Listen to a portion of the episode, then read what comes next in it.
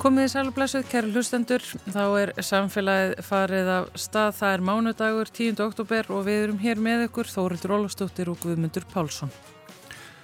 Fyrirætlanir bandaríska frumkvöðulsins og aukífingsins Elon Musk um að kaupa samfélagsmiðlinn Twitter verðast aftur vera komnar á dagskrá eftir að hann dró tilbaka tilbúðsitt upp á meirin 40 miljardar bandaríkjadala.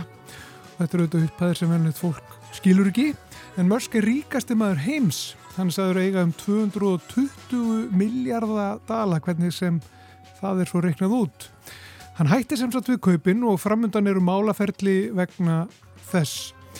Björnberg Gunnarsson deildastjóri greiningadeildar Íslandsbanka hefur fylst rækilega með þessu málu hann ætlar að spjalla við okkur eftir.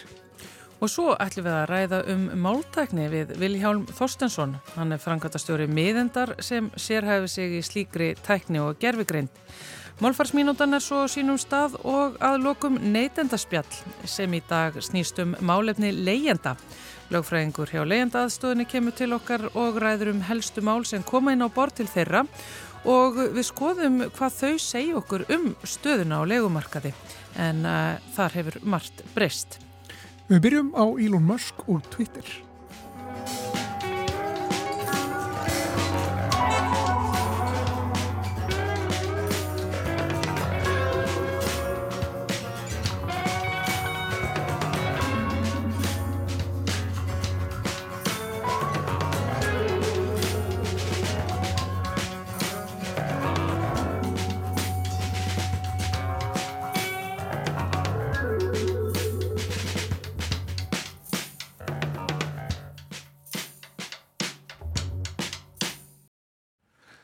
Ætlum við að tala um uh, Elon Musk og kaup hans á Twitter, uh, hann er sestur hjá okkur Björnberg Gunnarsson, deildastjóri Greiningadeildar Íslandsbanka. Ég sagði áðan að Elon Musk væri bandariskur frumkvöld og auðkífingur og svo fór ég að hugsa, er hann það? Hann er söður afrískur. Er það ekki nefnilega? Jú, Já. Þannig að, nefnilega. þannig að ég leið, leiðrætti þetta hér með. Já. En, en Björn, sko, ef við getum aðeins farið yfir þetta mál, þetta er daldi flókið. Það, í vor þá var þarna, var ákveðin reyfing á þessu máli og Elon Musk segir frá því að hann vilji kaupa Twitter og það verður upp í bara, já, bara þetta verður heilmikið mál eh, þessar fyrirætlanar hans. Já, þetta er ákvæmlega undarlegt mál í, í heilsinni. Þetta er eh, eitt af því sem skiptir mjög miklu máli í þessari sögu allri er það að uh, núverandi eigendur Twitter vilja ekki fá Musk sem eiganda. Mm. Það er alveg augljóst. Þrátt fyrir alla hans peninga. Þrátt fyrir alla hans peninga, þrátt fyrir að hans sé þetta auðugur og þá er alveg ljóst að það var ekki mikil stemning fyrir því. Hins vegar er Twitter uh, mjög illar ekki fyrirtæki og, og við erum allir verið að sammálum það að þetta er ekki góð, þetta er ekki góð eign, þetta er ekki gott fyrirtæki, er í samkeppni við aðra samfélagsmiðla sem eru á allt öðrum stað en Twitter þegar litið er á allar tölur svona fjárhagslega í bókaldinu. Twitter gengur ekkert að búið til peninga síðan, já hvað síðustu 6-7-8 árin hafa til dæmis tekjur á hverjum notenda bara ekkert breyst. Á meðan allir aðri samfélagsmiðlar eru á fljúandi siglingu þar. Notenda tölunar eru sára litlar, heildartekjunar ef við berum þetta sama við til dæmis Meta sem er þeirra helsti sanginninsæðli sem eru Instagram og, og, og Facebook þá eru, þá eru tekjur uh, Twitter svona 3-4% af tekjum hinna. Þetta er algjör dvergur í þessum samanburði það er allt í lægi eða þú borgar þá látt verð fyrir þetta og þetta skilar einhverjum hagnaði en hann er að borga eh, mjög hátt verð fyrir þetta sem allir segja sér yfirverð og það, það verðist ekkit verið næst sérstaklega björt framtíð vegna þess að afskaplega fært og vel gefið og reynd fólk og öllum áttum hefur komið að þessu fyrirtæki undanförnum árum og reynd að búið til peningur og engum hefur gengið. Núna kemur Elon Musk í vor, kaupir 9% af félaginu og og, og uh, gerir það í mars-april og segist svo ætla að kaupa restina býst til þess að kaupa þetta. Þá fyrir mjög sérstök atbyrgur á þessa stað sem er það að, að stjórnin segir já, hann, hann svo sem jújú, jú, auðvitað, ég minna þetta er bara frá smarkaður mot kaupaðu vilt en, en getur við ekki fundið einhvern annan? Og það er farið uh, af stað með mjög sérstakka hótun í rauninni sem er svo að það er, það er virkuð klásula í lögum félagsins sem, að, sem er lögleg í bandaríkunum sem að, að til dæmis notu varan til Netflix á sínum tíma. Ég reyna aðeins að kaupa Netflix til þess að selja það öðrum. Mm. sem er svo að þetta er kölluð eituru pilla. Þetta er gert til þess að gera það óaðlagandi fyrir einhvern ákvæðan kaupanda að bætast niður kaupandahópin eða yfirtaka félag og þá er sagt, nú ætlum við að fjölga hlutum í félaginu, þar að segja bara að, að gefa út ný hlutabriði fyrirtækinu, núverandi eigundur eru þeirri einu sem meiga kaupa þessu hluti og þeir verða allir og blúsandi afslætti. Og þetta þýðir á mannamáli að þetta breytir engu fyrir núverandi eigandur, þeir munu þá bara geta keift eitthvað útsölu en munu kannski eiga saman og áður af, af, af, sinni, af félaginu. En ef hann ætla sér að bæta við sinn hlut og fara í eigandahópin þá þarf hann kannski að borga fjórfalt verð fyrir allt saman sem þýðir í praksis það er engin leið fyrir hann að kaupa. Þetta gerði fyrirtækið í nokkra daga réði til sín stæstu banka í heimi til þess að reyna að finna einhvern annan kaupanda. Og niðurstaðum og svo það vill enginn kaupa Twitter. Og þau gáðu sig. Og, og, og stjórn Twitter sagði þá bara allt í lægi við skulum þá bara bera þetta undir, undir hérna, stjórn og þetta er þá bara samþygt og þú ert að fara að kaupa hérna félagið á, á, á yfir 6.000 miljardar króna og ef þú sannar að þú getur borgað fyrir það. Það er síðan næsta skref, jú, hann virðist geta sanna það að geta borgað fyrir þetta alls saman. Og svo er bara skrifað undir. Og það er bara ákveð að ganga frá kaupunum í vor. Þá kemur hann allt innu fram og segir og þetta er allt gert fyrir opnum tjöldum. Þetta er ægilega eitthvað svona eh, skítut og ljótt og leðalegt einhvern veginn öll ofinbæru umræðum þetta eða öll umræði sem á ekki verið ofinbæru verður ofinbæru og hann segir þeir eru það ljúa til að notendatölur. þeir eru það, ég er að fara að borga þetta verð vegna sem ég held að séu 350 miljónu notenda eða hvað það er, en þeir, þeir eru ekki svona margir, þeir eru einhverja tölfur í Rúslandi eða einhverju sem eru að þykjast eru notendur. Og hann Þetta er tólkað sem svo að hans í rauninni bara búin að bakka út úr þessu, búin að átt að sjá því hversu liðlega kaupið eru. Nú þá fer þetta fyrir domstóla í vor og hefur verið, eh, hann er í rauninni búin að skrifa undir það á sínum tíma að þurfa að borga yfir miljard dólar ef hann ætlar að bakka út úr þessu, alveg gríðarlega fjármunni ef hann ætlar ekki að standa við samningin. En hann segir að þau séu að svindla á sér með raungum fórsendum.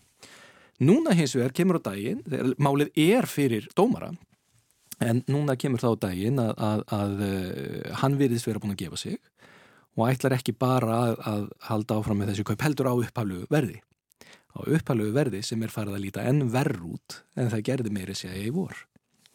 Hvernig, hvernig verð? Þá er, er fyrirtækið búið að hækka í, í í verði eða er það búið að læka í verði síðan hann gerir tilbúið? Það er ætti í rauninni að, að vera verð minna það er kannski ekki mikið breyst gengið á því en, en uh, vextur eru búin að hækka greiðarlega mikið í bandarækjuna þannig að yfirtökur eru mun dýrar en núna já, voru á sínum já. tíma Twitter lítur ekkit betur út rekstralega séð en þetta, þetta verðist ætla að verða lendingin og hann er með uh, stóran hluta sem hann leggur fram sjálfur, það er um helmingur sem hann leggur bara fram í peningum. Hann er með þess að búin að vera að selja heilmikið hlutabrjöfum í Tesla til þess að fjármagna þetta um þúsund miljardar króna.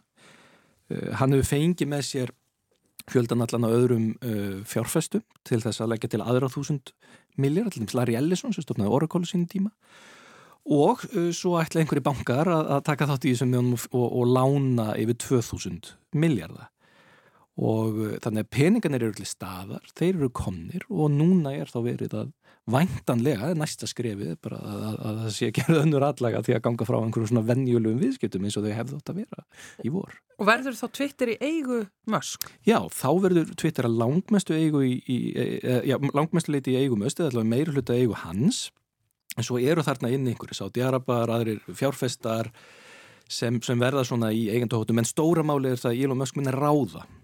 Hann verður ráðandi hlutafi og ráðandi eigandi Twitter. Og það er nú svona einn helsta ástæði þess að fólk skilu hvers vegna hann vil kaupa þetta vegna þess að ef við tölum svona businesslega verðist þetta ekki ganga upp. Hann er að gefa sér forsendur sem hann kynir síðan fyrir sínum fjárfestum og sínum lánveitundum það er ekki nóg að segjast bara heita Elon Musk, þú þarfst að sína afgörut á að borga sig og forsendunar sem hann gefur sér sem eru ofinberðar að hafa lekið út úr fjárfæstakynningum þær eru, þær eru í rauninni alveg, alveg ótrúlegar hann, ég nefndi það, það verður engum tekist almennilega að auka tekjur þessar fyrirtækis hann segir að hann ætla að auka tekjunar fram til ásins 2028 sem er nú ekki langt ánga til, mm -hmm. fimmfald mm.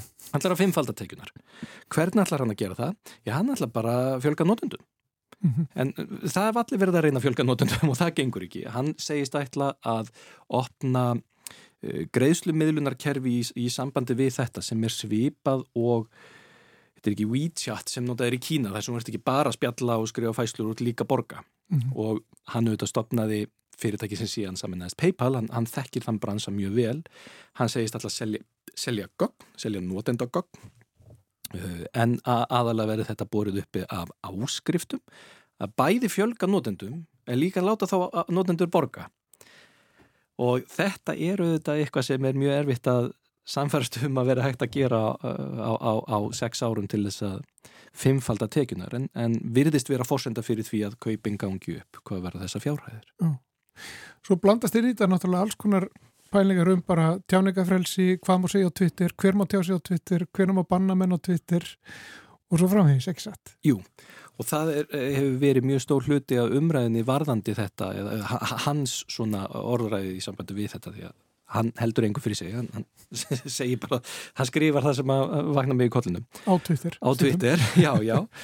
Og, og uh, hann hefur sagt það að Twitter sé að reytskoða allt og allt og mikið ég minna þetta þýðir bara bókstæla að Donald Trump er á leðinni aftur á Twitter til dæmis og að um, takmarkanir sem hafi verið gerðar vegna hatursordræðu og einhvers slíks það, það verður bakkað væntalega með, með slíkt.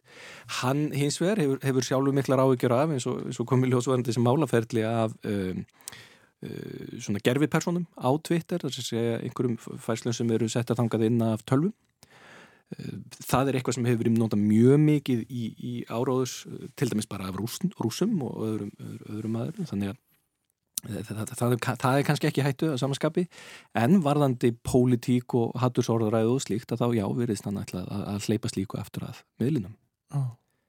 Þessi málaferli sem hafa verið í gangi eru þau enn í gangi þrátt fyrir að hann hafi sagst alltaf ganga þessum kaup og, og, og halda viðskiptunum til streyt? Þau eru í pásu í augnablikinu mm. í dag. Þá er, er í rauninni bara já, einhvers konar leikli mm. en e, e, ef, ef, ef gengi verður þá bara að, að þessum samningum eins og uppalega stóð til og báðir aðilar eru sammálum að gera það þá er þeim, þessu málufærlum eftirlega sjálf hægt af því að, að sko, þetta, er, þetta, er, er Twitter til dæmis að lögsækja Elon Musk með hluta þessu og ef hann er orðin eigandi Twitter er hann að lögsækja sjálf á sig þannig að þá er nú eðlert að, að þau fyrir bara upp þessu málafelli en þetta er allt saman afskaplega sérkennilegt og, og um, það hlýtur að vera einmitt meira baki þarna heldur en bara það að, að þessi maður ætli sér að græða mjög mikla peninga á því að eiga þennan samfélagsmiðl. Uh -huh. Við höfum alveg séð það að það hefur sumum þótt vera mikill ávinningur í því að eiga fjölmila án þess endilega að þurfa að græða á þeim. Að það er náttúrulega gömulsag og ný Já. og maður sér það sko bara á íslenska Twitter að það verðist ekki vera mikill áhugi fyrir þessum nýja eigend og margir sem að tala um að það er alltaf hætta á miðlunum ef að Musk eignast Twitter. Já, akkurat og það er, það er alveg hárétt og, og það með mæntalega fara eftir í hvernig uh, hvað breytingar verða þá gerðar til dæmis en verður þó að setja þann fyrirvara við að, að, að svona laga hefur ótt verið skoðað eftir í tímatilmisvarandi eignarhald og fjölmjölum og, og hótan eru um það að segja upp eða hætta að það er rætast mjög sjaldan þegar mm. það er að segja ekki að þannig marki að það muni einhverju að ráði með breyttur eignarhaldi mm. en, en já hann, það verður auðvitað eðlismunur á miðlinum og því sem þú sérð ef, ef að hann mun gera mjög rótækar breytingar og það mun auðvitað hafa áhrif á notkunni. Hann er hins vegar alveg augljóslega að stóla á það að þetta verð ekki til þess að fólk hætti heldur að fjöldin allir bætist við. Hann er að reikna með því að, að notenda fjöldin fari yfir milljarmæntalega sem er, er gríðalegt stökk frá því sem er, er núna og, og, og mér sínist öllu sé algjörl órunhæft en, en eru hans væntingar. Já. Ef við tölum aðeins um þessa peninga Já. sem eru þarna baki, eh, hvernig sko, er þetta að setja þetta í eitthvað samhengi? Er þetta að bera þetta saman með önnur fyrirtæki virði þeirra? Þetta eru 44 miljardar bandar ekki að það ekki sett? Jú, þetta, þetta er nefnilega, þetta eru gríðalegi, gríðalegi fjármunir og uh, þetta er... Uh, í svona samhengi bandarísku kauphallarinnar er þetta ekkert stórmál mm -hmm. þetta er ekki að vera hristað neitt upp í, í einu en einu hvað það var þar ef við byrjum þetta saman við íslenskar tölur mm. þá er þetta, þetta alveg óurlegt ef við hugsaum bara um, um uh, þessa fjárhæð, ég minna 6.300 miljardar, þetta er það sem íslenska ríkið hefur varið til alls sem gert hefur verið hérna á landinu síðasta áratvíin svona, eh, svona cirka svona mm -hmm. já, eða kannski svona 7-8 ár já. og uh, heildareignir hans eru þetta metnar á yfir 30.000 miljardar og þær eru að miklu í, í hlutabrifum í Tesla sem að hef, hafa gefið talsveit eftir. Í að, og það er eitt af því sem að sumur hafðu á, áhyggjur af, er eitt af því sem að lagt var að veði, eða það sem bókstæðilega var lagt að veði varandi þessi lán sem hann er að fá, eru hlutabrifin hans í Tesla. Mm -hmm. að lækka um fjórðung frá því að tilstóða ganga frá öllu saman í, í vor og vextin er að hækka mjög mikið það er hins vegar ekkit ólíklegt að hann muni fá vextina sem var samið um á þeim tíma þannig að bankanir sem eru að lánunum getur komið talsveit illa út úr þessu Eh, en, þa en það er svona önnur saga. En jú, fjárhæðinar allar sem umræðir þarna eru, eru gríðilegar. Hann er að fá lán upp á 2300 miljardar króna. Fyrir, 2000, fyrir 2300 miljardar króna þú ert að koma í langlegina í landsfæramleyslu Íslands. Oh. Þetta, þetta eru þetta, er, e, þetta sínir ekki og, og, og, og þessar fjárhæðir 6300 miljardar verðmætti tvittar sangvantónum sem er svolítið yfirskráðu verðmætti í dag þetta er ekki neinu samhengi við um, raunverulegt verðmæti egna Twitter í dag. Það er að segja, ef Twitter verður reikið með sama hætti og mun skila sambarilegum tekjum og hagnaði næstu árin og áratugina, þá er engin leið til að réttlæta þetta verð og það er eitt stóra málið í þessu til þess að það sé að þetta réttlæta það að borga þetta verð, þá verður Twitter að springa út og verða miklu stærri og meira áberandi fjölmiðli eða samfélagsmiðli á, á næstu árum. Sjáum hvernig þetta fer, Björn Berg Gunnarsson, deiltastjóri Greiningatildar Íslandsbanka. Takk fyrir að koma til okkar og útskýra þetta flókna mál fyrir okkur.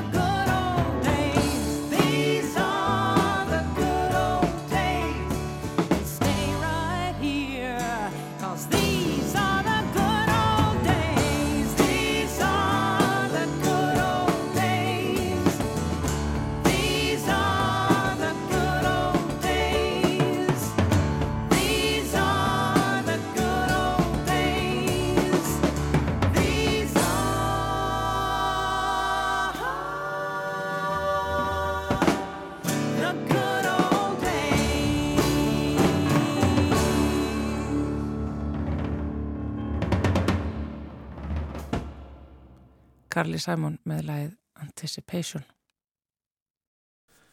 Við viljum að tala eins um máltækni og uh, ég mislegt sem að, að tengist máltækni. Það er, aldrei verið talað um, uh, um mikilvægi máltækni undanfarið og uh, kannski sérstaklega í, í ljósi þess að, að tækin sem við erum að nota tala gætnan ennsku, tala síður íslensku, það er að breytast uh, upp af einhverju marki að minnstakosti. Þannig sestir á mér Vilhelmur Þorstensson sem er frangatastjóri miðeindar. Miðeind uh, sér af þessi í já, máltækni og, og, og gerfigrind, verður velkomin til okkar. Uh, Getur þú byrja bara að þið segja okkur hvað þið eru að gera í, í miðeind? Þið eru að hanna og þróa alls konar lausnir í máltækni. Já, við erum að vinna að máltækni og gerfugreind fyrir íslensku sérstaklega. Við viljum gernan sjá þá framtíð að íslenskan verði gjaldgeng í öllu þessu nýja sem er að gerast, bæði því að tala við tækin eins og nefndur, en líka eh, snertir þetta atvinnulíf og það sem gerist inn í fyrirtækjum. Smá saman þá eru við að sjá gerfigrindina fara að koma inn í, í fleiri og fleiri hluti og þar eru alls konar viðfeng sem að, uh, við viljum gætnan að verða hægt að nota á íslensku líka. Uh, þannig að þetta er ekki bara spurningum almenning, þetta er líka atvinnulíf, stopnarnir, fyrirtæki Uh, og ofinbærstofnunir sveitafélag og svo ræðið sem að ég held að muni tilenga sér og þurfa að tilenga sér máldækni og gerur greint og vonandi á íslensku. Þannig að við erum að reyna að vinna að þeirri framtíð uh, og þá eru við að tala um hluti eins og til dæmis uh, velþýðingar milli íslensku og annar tungumála að geta sjálfgrafa flutteksta á milli mála og sem dæmi þannig að sveitarfjallag eins og Reykjavíkuborg geti verið með vefi sína á pólsku samhliða íslensku uh, með svona eins litlum tilkostnaði og, og hægt er. Við erum að vinna í málrýni þar að segja að geta tekið íslenskan texta og koma með ábendingar um það sem að betur mætti fara og ekki bara það heldur þá líka að hjálpa fólki sem að kannski á á einhverjum ástæðum í erfileikum með að skrifa svona það sem að flestu myndu kalla korréttan texta vegna les, lesblindu, skrifblindu eh, eða bara einfallega af því að það er með íslensku sem annað mál eh, að sem sagt hjálpa því að koma frá sér góðum uh, texta sem er nú eiginlega bara mannreitindamál stundum því að mm -hmm. textin er svona svolítið hvernig við byrtumst á samfélagsmiðlum, tölvupústi, umsóknum sem við skilum frá okkur uh, og síðan er það fjöldi annara hluta sem að uh, við erum til dæmis með svona aðstóðar app sem heitir Embla sem að fólk getur verið með í símanum hjá sér og tala við hann á íslensku, spurt hann að spurninga og hún svarar á íslensku. Og hún getur svona gert luti eins og að segja okkur hvernig veðurspáin er og hvað er nýjast í fréttum og hvað hundrar efrur síðu margar krónur og, og, e, og svo fravegis hún er svona, já, hugsuð sem kannski hinn íslenska Siri eða, eða Alexa og einmitt það, hún er að, að bæta við sig uh, gunnátt og þekkingu og, og svona það nýjasta sem er að gerast hjá Emblu er að hún er að byrja að læra að uh, stjórna tækjum á heimilinu, til dæmis ljósum, uh, græjum, uh, sagt, uh, útvarpi eða, eða spilara Já. og þess vegna gardínum eða, eða, eða hérna dýra opnara á svo rafísi. Allt gríðarlega mikilvæg mál. Mjög mikilvæg mál. Og, og þetta er líka bara svona uh, spurningum umhverfið sem að börnum okkar allast upp í sko, að það sé ekki einhvern veginn bara sjálfgefið að það þurfa alltaf að skipta yfir í ennsku til þess að, að já. fara að tala við öll þessu flottu nýju viðfeng sem, sem að til eru og eru að koma fram. Já, um, og er þá mikilvægt, sko, er mikilvægra að þá vinna alla vinnuna og búa til emblu í þessu tilfelli, fyrir ekkert að kenna Siri og Alex og að tala íslensku, eða er það bara ekkert í bóði kannski? Já, þetta verður örgulega svona blanda af hvortvekja. Það er margt sem við þurfum að gera sjálf og því meiri heimavinnu sem við vinnum hér á Íslandi. Því líklega er að stóru teknifyrirtækin geti þá tekið þá vinnu og, og, og felt hana inn í sínar vörur og uh, teknifyrirtækin hafa pínu mismunandi nálgun á þetta. Þau eru misopinn fyrir, uh, hvað ég segja, uh, framlögum frá þriði aðalum út í bæ. Uh, Apple kannski sem dæmi er svona frekar lokað hvað það, það varðar það er fyrirtæki sem bara í eðli sínu vill uh, hafa svona heldar stjórn á sínum sínu uh, notanda upplifun. En já, því meiri heimavinnu sem við vinnum því líklega er að, að íslenska verið tekin upp í afurður stóru fyrirtækjana hins vegar er það bara þannig að Ísland er náttúrulega lítill markaður og þannig að ef að fyrirtækin eru svona einungisamiða við hagnaðar eh, markmið og, og debit og kredit þá er nú Ísland ekki óverlega á lista yfir forgangsmál. Mm. Eh, þannig að það hefur nú verið svona hlut að þessari, hvað segja, máltækni vinnu okkar og mér líku við að segja áróðustarsemi, það er að reyna svona að hafða til samfélagsábyrðar stóru fyrirtækjana, eiga við við samtal, uh, tala fyrir hagsmunum uh, þess sem við kallum svona langaskottið eða long tail af, af minni tungumálum heimsins og það verður svona passað upp á það, jafnveg þó að það borgir sér ekki krónum öðrum að uh, þau séu höfðu með vegna þess að við viljum ekki svona, hvað sé að glata allir þeirri mm -hmm. menningu og þeim arfi sem að fælst í öllum þessum litlu tungumálum heimsins. Oh. En ef við tölum þá um, um krónur og öra, hvað er, er verið að setja peninga í, í máltækni og er verið að setja nóg mikla peninga í máltækni? E, það er verið að, það, núna er rétt að ljúka, bara núna 1. oktober síðastliðin laug uh, máltækni áallun stjórnvalda sem að uh, var uppalega skilgrein til 5 ára. Uh, þar var eitt undirbúinisár og síðan 8,4 ára vinnu og í raun og veru þá tókst nú þeim hópi sem tók þetta að sér að, að klára þessa fjóra vinnu á rétt rúmum þreymur árum.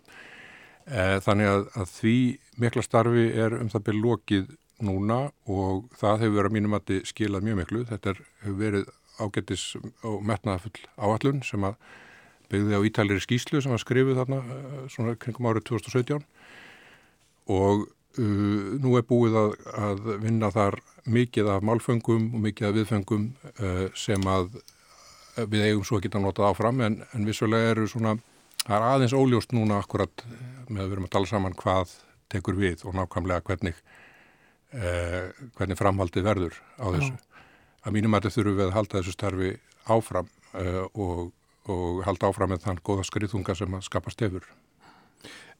Getur þú sagt okkur frá uh, hvernig gerfigrind kemur inn í þetta? Getur þú útskýrt það? Já, ég myndi nú segja svona, nú er ég búin að vera lengi í teknibransanum, uh, ég er búin að vera cirka 40 ár í hugbúnaðabransanum og ég hef séð ímsar bildingar á þeirri leið. Ég, ég er náttúrulega kom inn í teknibransan uh, þegar enga tölvan eða einmenningstölvan var að koma fram uh, svona kringum 1980-1981 sem var náttúrulega gríðarlega bylting þá. Og ég var uh, í bransanum þegar internetið kom fram og þegar fyrstu vefrábarnir komið fram. Og það var líka gríðarlega bylting, ótrúlegt að, sjá það. Uh, og svo verður ég að segja að, að núna undanfæran ár þá hefur ég verið að horfa á þessa gerðveiknendabildingu verið að byrja og ég, hún er ekki minnst af þessum mm -hmm. uh, hún er ekki síðri heldur en engatölubildingin og, og internetbildingin um, og ég held að fólk gerir svona kannski ekkert almennt greið fyrir því hvað þetta reyfist rætt og hvað er mikið að gerast í þessu uh, en gerðveikreind náttúrulega kannski svolítið víttögtak en, en hún nær til meðal annars þess að láta tölvur vinna með, með texta, geta svara spurningum og, og slíkt, en hún er líka til þess að láta tölvur vinna, vinna með myndir og, og vídeo og sum hafa kannski tekið eftir því undarfærið að það er e, það eru komið fram svona gerðugrendanett sem að virka þannig að þú getur bara sagt þeim hvað, af hverju þú vilt fá mynd og þau tekna, þau búið til mynd fyrir þau. E, Miskóðar. Miskóðar en, en það er fara hraðbatnandi, það eru bara myndirna sem eru að koma út úr þessum netum í dag eru miklu betra en það sem voru fyrir þrem mánuðum eða sex mánuðum og þetta er að fara að færast yfir í vídeo, þú getur bara beðið um vídeo með texta eða, rödd og þá færðu, eh, þá býr það til vídeo fyrir þig. Og er eh, það hluti af sko ferlinu uh, fyrir tæknina að verða betri? Að, að keira svona, að prófa tæknina og, og keira á byggja myndir og fleiri myndir og, og svo framvegs? Já, ég, sko, eitt af því sem að er að byrja að gerast í þessu er að, að við erum að byrja, það verður að byrja að gera tilhörinu með að láta gerðugreindar að segja að læra af sjálfur sér, mm -hmm. láta hann að kenna sér sjálfuri en þá, en þá meira. Og uh, það uh, til dæmis er, er ferli sem að hérna, getur skil, eitt og sér skilað mjög hröðum, uh, ja, mjög hröðri þróun. Þannig að við erum svona held ég á þráskuldi þarna tóltið stóra breyninga og þar sem að, það er ekki alveg kannski fyrir sig að hvar gerurgrindin mun koma við sögu en það kemur kannski eins og óvart og hún verist svona einna fyrst vera snerta svona skapandi greinar eins og til dæmis myndlýsingar það að búa til myndir og, og myndskreita efni að þar er að koma tekni sem að ætti að, að auka mjög mikið framleiðni í því að, mm -hmm. að, að myndlýsa og búa til grafíska hönnun. Mörg kannski heldur að þetta er því fyrst myndi hafa áhrif annar staðar, kannski ykkur svona almenn skrifstofustörfum og það mun vissulega gera það en, en það virðist vera að hún muni koma svolítið inn í skapandakarinnarna líka. En hvernig nýtist þetta í ykkar, ykkar vinnu? Hvernig nýtist gerðugrænt í ykkar vinnu? Og aftur það er náttúrulega eins og þú segir, þetta er mjög vítt hugtak. Já, þetta er vítt hugtak. Eh, sko, aftur þessi net sem að, gerðugrindinett sem er að koma fram í dag, þau eru nánast öll hugsuð og þróuð fyrir ennsku. Þannig að ef þú ætlar að fá mynda af einhverju, þá lýsir því á ennsku. Mm -hmm. Þú mhm. segir hérna Santa Claus uh, with his reindeer, uh, þú segir ekki jólasetnin með reyndirum sín með eitthvað slíkt. Uh, við viljum koma því svo fyrir að það verði hægt að nota gerðugrindina á, á íslensku uh, til þess að gera allt það sem hún uh, mun geta gert. Uh, við erum sjálf hjá miðend í, í ákveðinu samstarfi við eitt af leðandi fyrirtækinum á þessu gerðugrindasviði sem heitir OpenAI. Uh, og það er endar afrakstur af heimsókn uh, Forsetta Íslands uh, til Kísildals núna í mæ síðastliðin þar sem að mörg leðandi teknifyrirtæki voru heimsókt og það á meðal OpenAI og, og gegnum það komst á, komst á tengsl og samstarf. Þannig að, að við erum að vinna með þeim. Þau eru að, að hjálpa okkur að, að þjálfa gerðugrindanett sín fyrir íslensku sem ég held að sé merkilegt og mikilvægt. Og bara svona til að nefna dæmi um það sem við vonumst til að geta gert með þessu eru hlutir eins og að beðja netið um að taka saman texta. Eða þú ert með frétt eða skýslu eða grein að þá getur við beðið um úrdrátt í 100 orðum eða 150 orðum. Og þá færðu hann á fítni íslensku.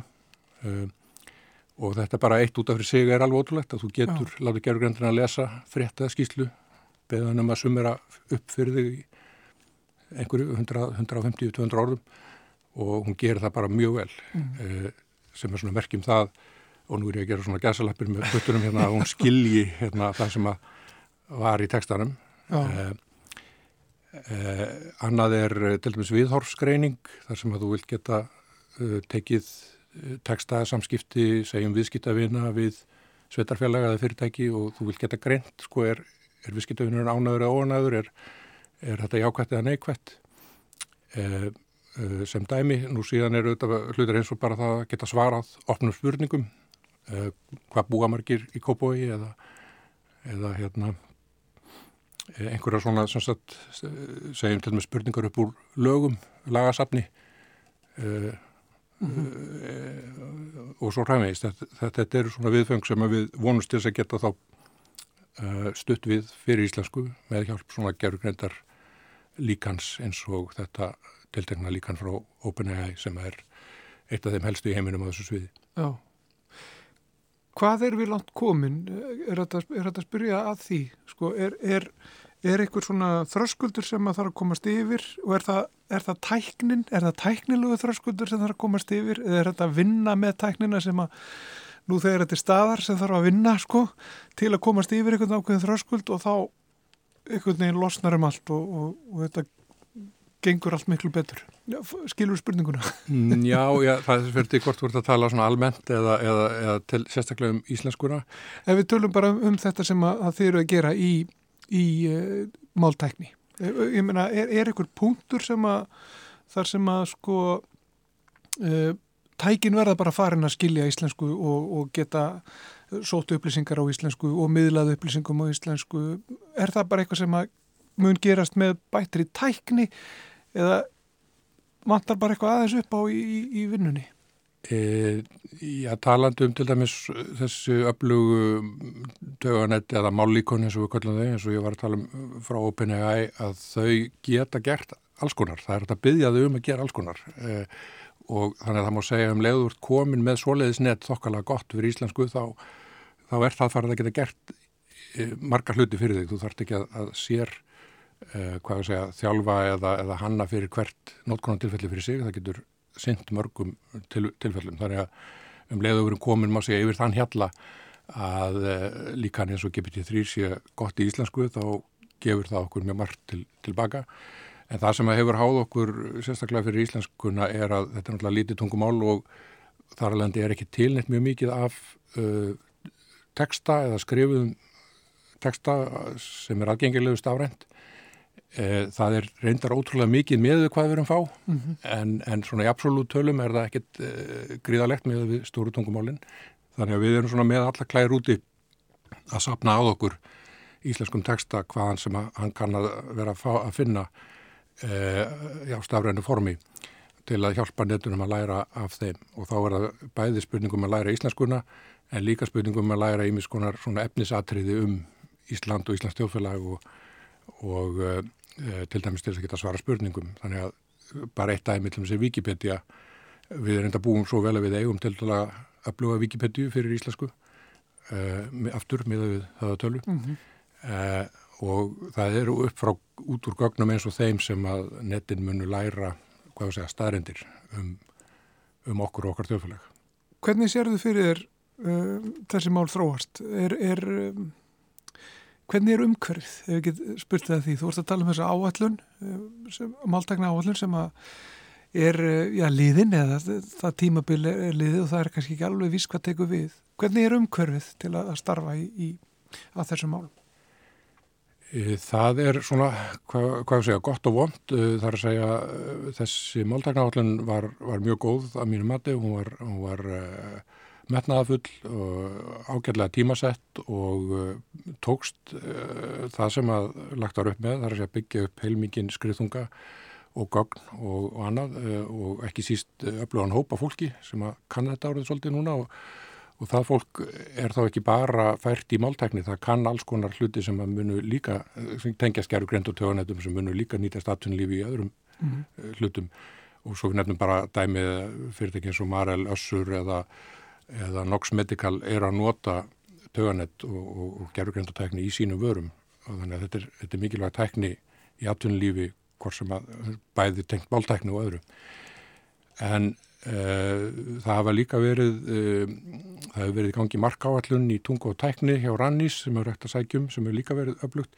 En bæði þessi máltaknaáallun og þessi markáallun það, það er svolítið óvisa núna um hvað er framöndan og ég er bara vona að, að við berum gæfi til þess að búa til svolítið öfluga stefnumótun þarna um að halda svo núna áfram uh, á svipuðu nótum en kannski með uh, svolítið breyttum áherslum. Við þurfum að leggja meira áherslu á gerðugreindar hlutan að mínum mati og meira áherslu á, að, á tengingar við aðtunulíf og síðan auðvitað við daglegt líf almennings. Það er að segja að uh, snú okkur í auknum mæli að því að, að íta þessum lausnum og möguleikum út til aðtunulífs og, og almennings. Já, og aðeins að því þá að, að íta þessu að út til almennings eins og orðara það. Eru svona nokkrar ef að kalla það lusnir sem, að, sem fólk getur skoða þegar svona það eru hugbúnaður sem fólk getur getur skoðað ekki satt, til dæmis bara á, á netinu þú nefndir nú Emblu aðvann Já, Embla er okkipis á uh, App Store og Play Store. Það er þetta bara að segja hana þar og byrja að tala við Emblu og prófa hana. Og hún auðvitað er batsins tíma en hún, uh, hún eblist smá saman. Og Embla er kannski svona henni er ætlað að vera svolítið svona að sína hvað er svolítið, eh, já, gefa okkur insýn í möguleikana, hvað, hvað er hægt og verður hægt. Og ennblá eftir að verða betur og betri og, og geta fleira og fleira og skilja okkur betur og betur með tíð og tíma og, það má reynda geta þess að við við notum líka ennblu til þess að læra fólk, hvað, hvað er fólk að spyrja um, hvað vil fólk geta gert með tæki eins og þessu og reynum að sjá það og reynum þá að bregðast við því Síðan er eh, sem dæmi um vjálþýðingu, þá er til orðin uh, vefsíða sem heitir vjálþýðing.is. Það sem er hægt að, að hún er svona svipuð á Google Translate uh, og stiður í dag íslensku og ennsku mjög vel og það er komið til raun útgáfa af íslensku til pólsku og það er meira að svona pínupóns uh, sínusotna af íslensku færesku. Sagt, fæ, og, já, við erum svona aðeins að velta fyrir okkur að hvort við getum ekki hjálpað eitthvað frendum okkar færeingum af því að það er hægt að færa svolítið á millitungumála, nett sem er gott í íslensku getur með kannski ekkert svo mikil viðbót orðið gott í færisku um, e, og vildþýðing.is er að standa sig mjög vel sérstaklega í svona sérhæðum þýðingum, hún er nú þegar notuð hjá þýðingamiðstuð utanreikisræðandisins í að þýða Európareglugerður og er bara mjög góðið því. Mm -hmm. Uh, síðan er uh, ein vefsíða sem að heitir yfirlestur.is þar er, það er svona málrýni síða þar sem að þú getur sett inn íslenska texta og fengið ábendingar um hlutis þá bæði ekki bara eitthvað svona stafsendingarleiriting heldur líka málfræðaleg atriði sem að neti getur bent á eða síðan getur bent á. Já, en það er ekki, það segir ekki þetta böllu villis í þér. Það, það, það kannski kemur ykkur tíma. Nei, hún er, Nei, hún reynir að vera, vera mjög, mjög kurteis og, og, og Já, svona, ég, ég veit ekki hvort þú tekur eftir því að ég tala ekki mikið um sko villur eða við svona tölum kurtislega um að, að færa texta svona að æskiljara málsniði eða stað, stöðluðu málsniði. Já. En, en hann er ekki leiðir þetta starrenda villur eða slíkt? Nei, en, þá, nei, ekki en þá, það kemur kannski senna. Og, og svo eru við svona kannski fyrir, sem er meira fyrir svona málfræði nörda að þá eru við með eh, síðu sem heitir greinir.is uh, hún er að lesa fréttir uh, allan sólarhengin og uh, hún tekur fréttatekstan og hvað segja, krifur hann samkvæmt íslenskri málfræði. Við erum með málfræði reglur í garnagrunni og greinir hann tekur hverja málskrein fyrir sig og reynir að þátt hana í svona setningatré eins og mörg okkar kannast við úr íslensku námi í skóla. Eh, hvernig hanga orðin saman hvað, hvað, hvað eru sagnirnar hver eru andlögsagnana hvaða nafnórið eru þarna í hvaða falli eru þau tölu og, og svona hafis og þetta er alltaf að sjá síðan grafíst það er að smetla á málskrein og sjá setningatrén.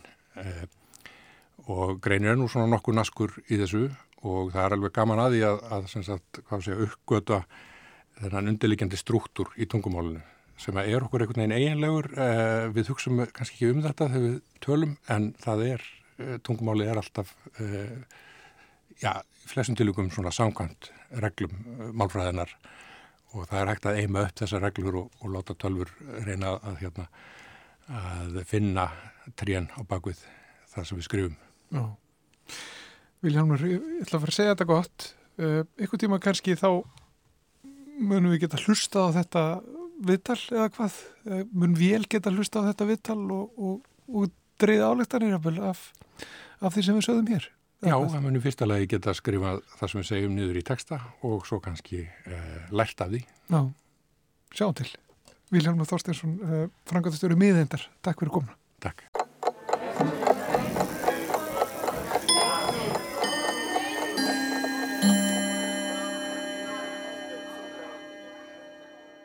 Orðið fang er hálfgjört kamiljón og það er alls ekki allt þar sem það er séð. Sagnorðið fanga tengist því, það merkir að handsama. Lífandi verur sem eru fangaðar missa frelsi sitt. Stundum er fólk tekið til fanga af því að það hefur brotið af sér, stundum er saglust fólk tekið til fanga. Því er stundum haldið fram að ekki sé hægt að taka dauða hluti til fanga því að þar sé á ferðinni nafnorðið fangi. En er það alveg víst? Getur verið að þar sé á ferðinni nafnorðið fang sem vissulega er oftast í eintölu en þekkist í ýmsum orðasambundum í fleirtölu. Það er erfitt að skera úr um það í föstu orðasambandi á borð við að taka til fanga.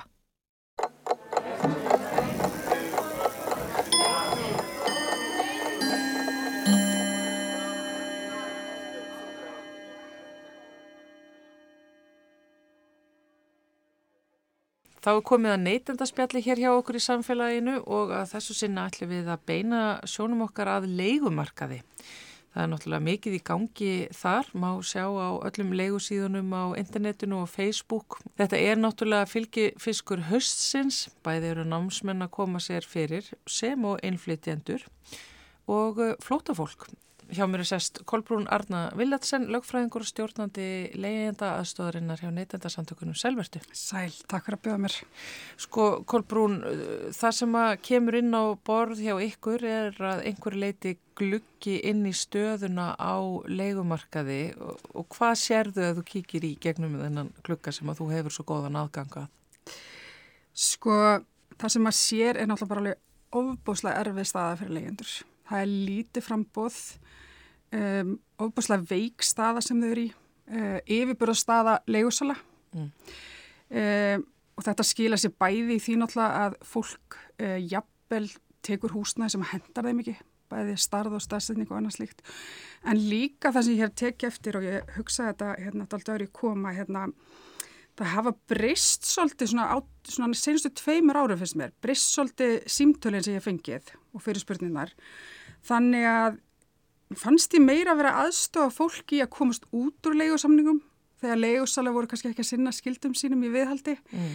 En mér finnst ég meira núna að vera að reyna aðstofa le leyendur um, í að knýja fram úrbætur um, afslátt, eitthvað því um leitt því að hefur ekkit vali, nú er nú veist, vill fólk ekkit rifta því að hefur ekkit einhver annar stað til að fara á þannig að þetta úrræði að knýja fram úrbætur og, og hérna e, ef þetta eru verulegir annmarkar að þá getur það rift veist, það er bara, það er ekkit í bóði rift og fara hvert og hefur ekkit annað húsnaði Já, þannig að það er mikil þá í rauninni þörfa á því að fólk svona neyðist til þess að vera það sem það, það er og er þá að leggja sér fram eins og það getur til þess að það sé verða að laga eitthvað. Já. Og hvað er þá helst sem að fólk vill að það laga? Vistu það, það er bara e, alls konar. Það kemur náttúrulega, miklu vandamálinn eru alltaf ofalega.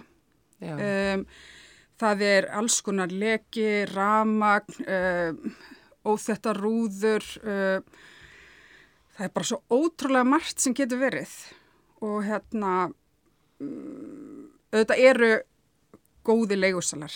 Og ég tek alveg fram að hérna, ég náttúrulega fæ bara símtölu með hérna slæmisögunum þannig ég efast ekki um að það eru góði leigusalar að núti sem að sko hugsa vel um leigjanda sinn og eignina sína. Uh -huh. um, en ég hef fengið bara alveg þannig sögur og myndir sem er gjössanlega blaskrar Uh, algjörlega óýbúarhæft að mínu mati og jafnvel stundu kannski bara liggur fyrir skísla að sé óýbúarhæft uh, þá segir leigursæli bara ok, erðu, ég samþyggi þessa stöðu þú getur flutt út. Bara okkar leigursambandi er lokið okkar skildum er lokið og ég fyrir bara í að gera íbúðan upp. Og þannig er leiðandi bara að ok, en ég get ekki farið, hvert á ég að fara?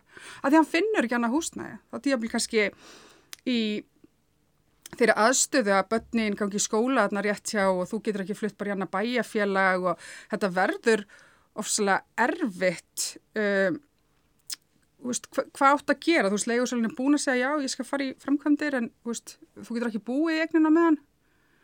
Veist, ofta á tím á fólk ekki þennan stað til að fara á.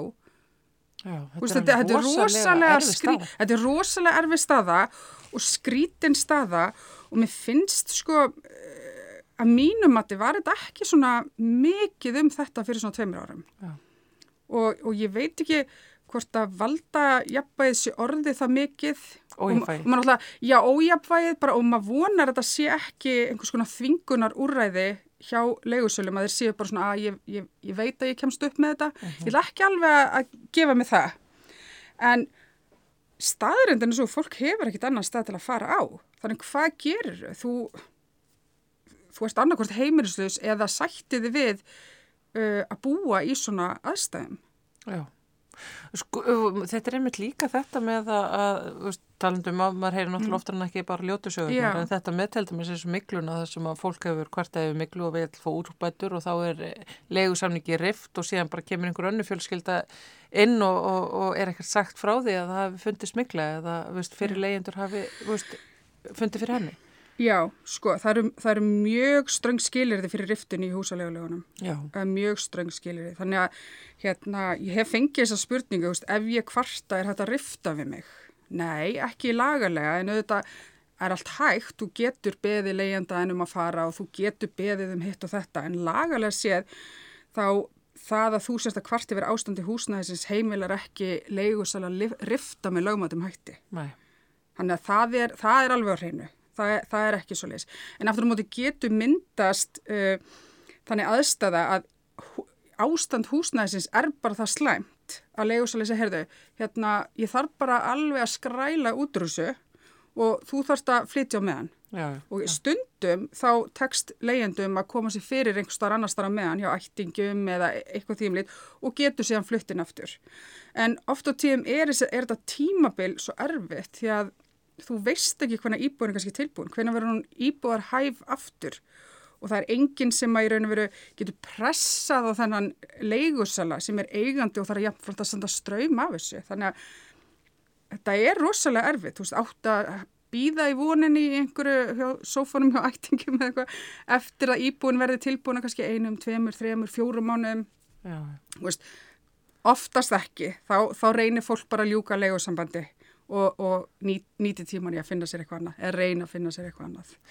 Sko Og maður heyrar það núna til dæmis frá þeim sem að starfa með flótafólki á Íslandi að, að það bara finni hverki húsnaði, get ekki komið sér fyrir þegar úrræðum sem að stjórnveld útveða þeim þegar þeim sleppir. Og uh, innflytjendur eru miklu vandræðum og, og námsfólk og bara, veist, það eru, en, en það er sérstaklega viðkvæmur þessu hópur uh, fólk sem að er að Erlendubergi brotið.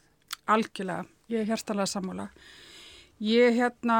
Uh, fjækti mín konu á förstu daginn sem að hérna um, kom til neittasamtakana eða legindaðstórna hjá okkur og var í þeim skilningi að við getum hjálpað henn að finna húsnæði mm. sem mhm. er ekki raunin við sest, að, aðstöðum ekki við að finna húsnæði heldur bara lagalega, réttalega stöðu hérna, aðalega legosambands nema ég fyrir að tala við hann og við gætum ekki tjáð okkur öðruvís en á, en á Google Translate því að hérna, hún talaði ekki ennsku eh, Og ég var einmitt að spyrja henni, ég bara hérna, já, ok, betur þú flóttamæður og nei, hún var ekki flóttamæður að nöyta einhvers konar vendar uh, komandi frá Úkrænu og ég segi henni, já, betur þú, þú, þú náttúrulega verður að leita til félagstjónstunar, svona í minni bara batna trú, bara einhvern veginn held ég bara, já, hún hefði átt að fara að þanga, en þá var hún búin að fara að þanga sjálfsögðu og búin að skrási þarna og komin á einhvern lista og annars líkt, en hún lappar bara út þaðan að mér skilst bara með lista yfir svona síður sem maður getur leita að leiguhúsnaði og ég hugsaði bara ég, bara, þú talar ekki tungumálið, þú skilur ekki umhverfið, þú, þú bara menningin, allt saman er framandi. Mm -hmm. og ég hugsaði bara hvar á þessi kona og þessi fjölskylda sens á þessu markaði og ég einhvern veginn bara fann svo leitt að geta ekki aðstofana og ég, þetta satt í mér alla helgina. Já, ég trú því. hérna, að þessi kona er, hún var ekki, ég, ég passaði hann, hún væri náttúrulega sjálfsögð ekki heimilislaus, hún er með hótelherbyggi til miðjan november og væntalega fær einhverja framlengingu á því, en þetta er fimm manna fjölskylda bara í hótelherbyggi. Um, mér fannst þetta svo leitt, að ég veit bara að við sem eru búin að búa hérna kannski allt okkar lífi eða stóran part úr, úr okkar lífi, að við eigum í erfiðlegum með að finna leiguhúsnaði. Hvað ja. þá uh, fólk sem kemur hérna og á bara að fara að kíkja hérna á einhverja Facebook síður og, og annars líkt og hérna haldi utanum það einhvern veginn og talandi ekki tungumálið og, og mér fannst þetta eitthvað svo sorgleg staða Já, þetta er mjög nötturlegt og óbúslega sorglegt að horfa eftir þessari konu og segja takk fyrir að koma og goða helgi. Þannig að hún, hún hérna hafði einnig sett með tölvupost þannig að ég var rosa glöð því ég sá það því ég sendi á hann og sagði hann bara endilega að þegar hún finnur húsnæði að hafa sambandið mig og ég skal lesi við samningin hennar. Ég veit ekki þessi séu á ukrainsku, hún talar ekki ennsku þannig að ég í það minnst að vildi bjóðinni það að hún færi ekki þá í samningssamband sem væri henni í óhag þannig að vonandi get ég komið þar inn Já, og þetta eru sögurnar einmitt sem maður heyrir uh, frá uh, fólkinu sem kemur hérna erlendis frá til landsins og er að reyna að finna sér heimilið Er íslenski leikumarkaðurinn bara svona sérstaklega slæmur samanborið við önnu lönd? Sko, nú þekkja en ekki annar staðar. Við hérna höfum uh, einblínt bara á það aðstofa fólki þeirri stöðu sem það er. Þannig að hérna, ég hef ekki mikið kannad leikumarkið en annar staðar. Maður þarf samt ekkit annað en að skoða bara samfélagsmiðla og frásagnir annar og hvernig blöskarar ástandi hérna. Það, það er út af einhverju. Þú veist, það er bara, sko, það að uh, stór hluti, eða bara stærsti hluti leigusalega sé bara almenningur. Mm.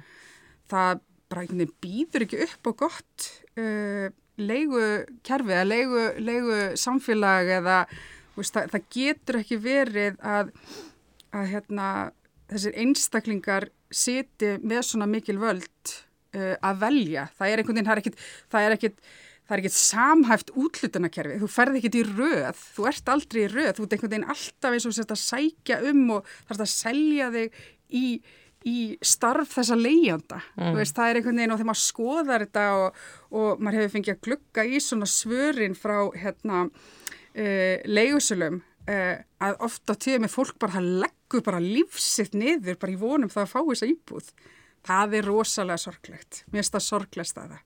Já. og þarna getur leigusalinn og enn og aftur ég tekja fram að ég held ekki allir leigusalinn séu slemt fólk. Þetta er bara staðan sem er. Mm -hmm.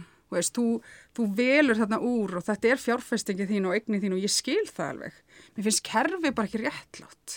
Já, og það eru margir og sérstaklega Já. þau sem eru á legumarkaði sem Já. bara upplifa nákvæmlega það sama og þú. Nákvæmlega. En það er hægt að leita til ykkar í leiðenda aðstofinni og bara um að gera hvetja fólk til þess og kannski sérstaklega einmitt að benda uh, þeim sem að tala ekki íslensku og eru innflytjendur og, og, og útlendingar hér á svæðinu að þau viti af þessu úrraði, af þessari Úst, af þeim möguleika að fá ykkur til þess að skoða, sérstaklega eins og leiðu samninga. Já, við erum með, sko, við erum með síðu sem er leyendur.is, uh -huh.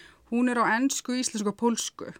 Uh, svo erum við líka með uh, sérst, aðgang á language line, þannig að ef þú talar eitthvað annað tungumölu en íslensku og ennsku, þá er hægt að senda okkur tölvupóst og óskar hreinlega bara þetta samtali með tólk. Já. Og þá, þarna eru bara öll helstu tungumólin hérna í bóði, uh, þannig að það er hægt að setja það upp Uh, og eins og ég segi þá, og svo nýtir mann sér náttúrulega bara útrúlega mikið Google Translate. Það hefur verið þvílíkt hérna bara snildar, snildartæki. En inn á síðinu leyendu.is eru líka svona hérna spurt og svarað.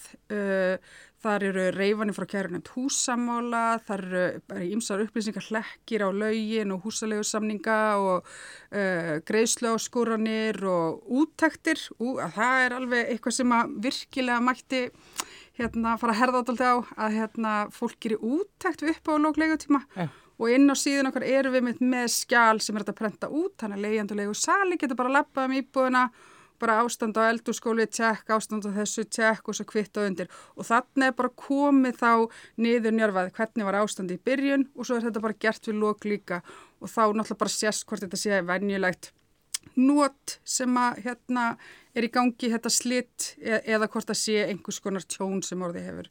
Ég held að bara þetta eina litla sem að hérna, leyendur og leigursala geta gert myndi, myndi bjarga ótrúlega miklu allavega í, í ágreiningi í leigursamband sko. Já, það er ágætt að skilja þetta eftir hjá hlustundum um að gera kíkja inn á þessa síðu. Takk kærlega fyrir spjallið Kolbrún Arna Viljatsen, lögfræðingur og stjórnandi leyenda aðstóðarinnar hjá neytenda samtökunum.